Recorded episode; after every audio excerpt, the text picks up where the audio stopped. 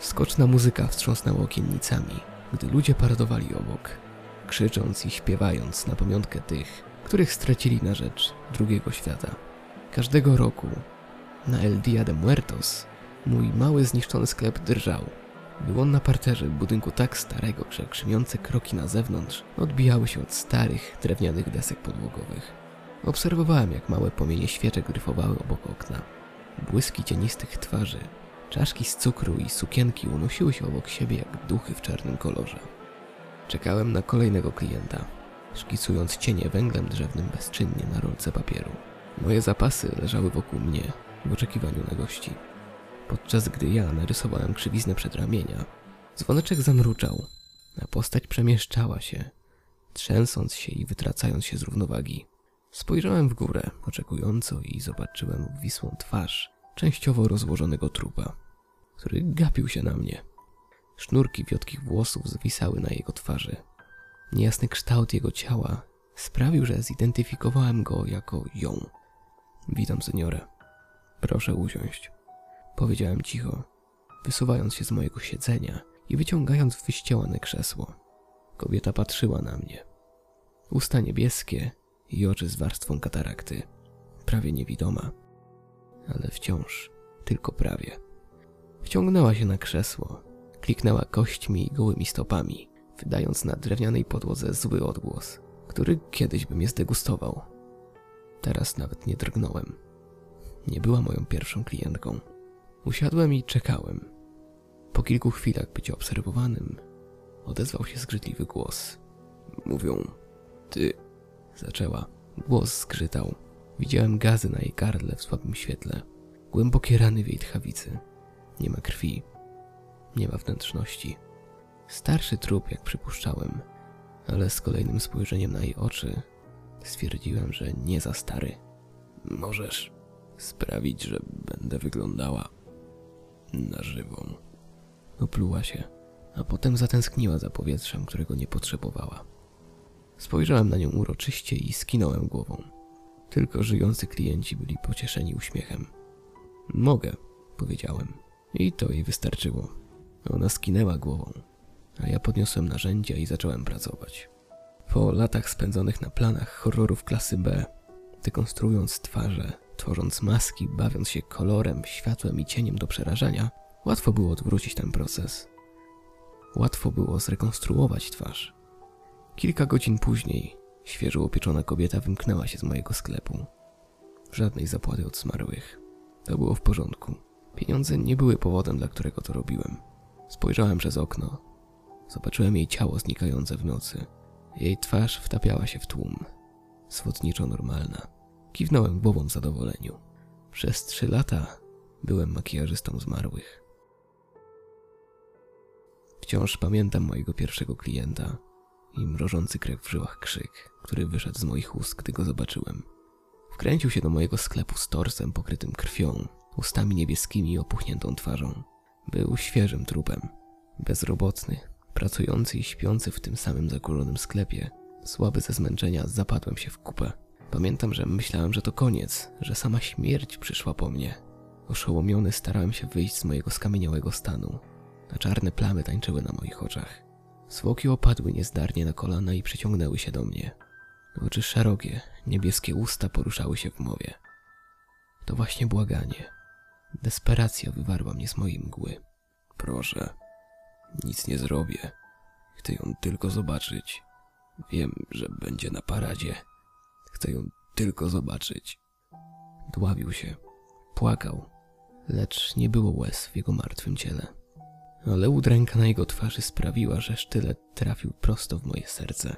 Dla, dlaczego, dlaczego tutaj? Poprosiłem, zmagając się, wciskając gwoździe w podłogę, aby nie wstać, nie uciec, daleko w obliczu potworności, która stoi przede mną. Potwór Frankensteina gapił się na mnie. Pamiętam cię, od kiedy żyłem. Możesz zmienić twarz, powiedział. A ja nigdy nie zapomnę jego twarzy. Spojrzenia nadziei, które prawie sprawiło, że jego opuchnięta, nadęta twarz wyglądała na ludzką, wyglądała na żywą. Proszę, powiedział, a ja skinąłem głową. Trzeba było godzin, żeby go zmienić. powrócić i przećwiczyć rzadko używane porzucone talenty. Moje ręce trzęsły się jak liście na wietrze. Popełniałem błędy, potem je naprawiałem, a potem robiłem ich więcej. Cztery godziny później udało się to zrobić. Spojrzał na siebie w lustrze, zszokowany, oszołomiony. Podziękował mi i opuścił próg tego miejsca. Nie prosiłem go o zapłatę. Nawet mi to nie przyszło do głowy. Nigdy nie wiedziałem, czy ją spotkał, czy też kim była dla niego ona. Nigdy nie wiedziałem, czy owoce mojej pracy pomogły mu znaleźć ukojenie. W następnym roku było ich więcej. Wiedziałem wtedy, że to zadziałało. Przez ostatnie trzy lata, każdego roku na Dias de Muertes, wkradali się do mojego sklepu, mając nadzieję, że będą żyli przez jeszcze jedną noc. Jedni przychodzą, aby przyłączyć się do parady, nie będąc zauważonym.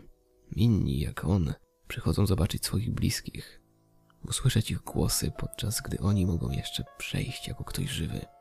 Niektórzy przychodzą, bo są ciekawi maga, który przywraca ich do życia tylko na jeden dzień. Jestem artystą. Nakładam na siebie warstwy na bladej szarej skórze, tchnąc życie w to, co jest bez życia.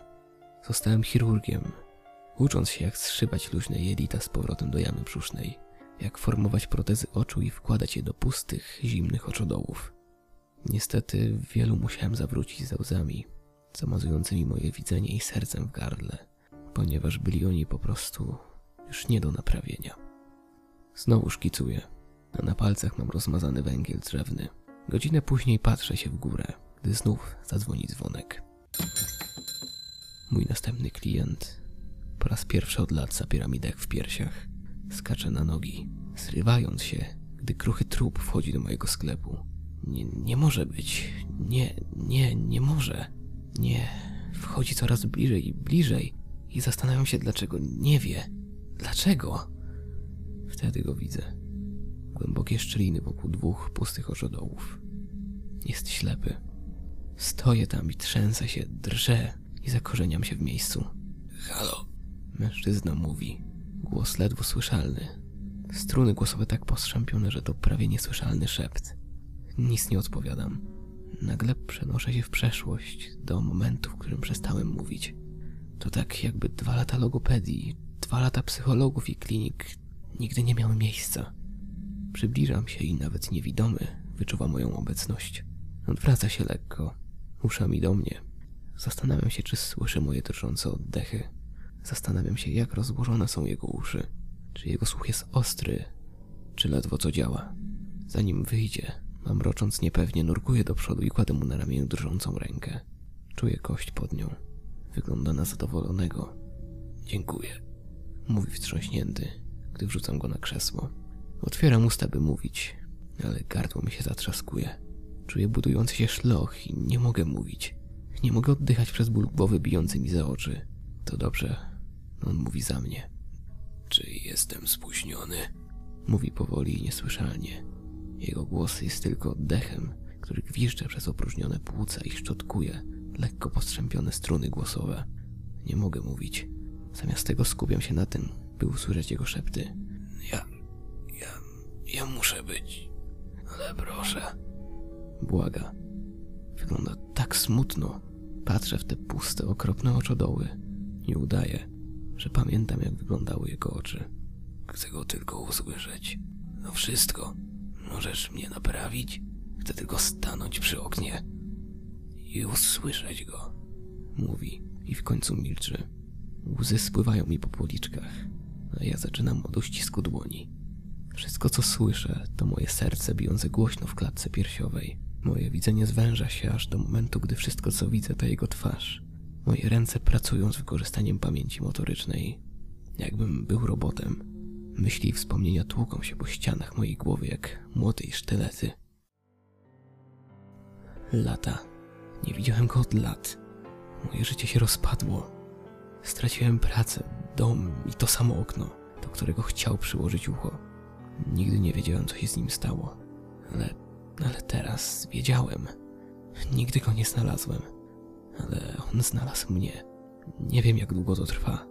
Nie słyszę tykania zegara. Nadal nie mogę mówić. Kiedy moje ręce opadają, on zauważa, że to koniec. Czy ja wyglądam na żywego? Pyta. I tak też jest. Wygląda dokładnie tak, jak ostatnim razem, gdy go widziałem. Zanim odszedł z mojego życia. Zanim został mi odebrany i oddany w jego zastępstwie pusty grób dla zaginionych. No, tato, duszę się. Głos w końcu wolny, a jego twarz zwraca się do mnie w szokującym wstrząsie. Wyglądasz cudownie.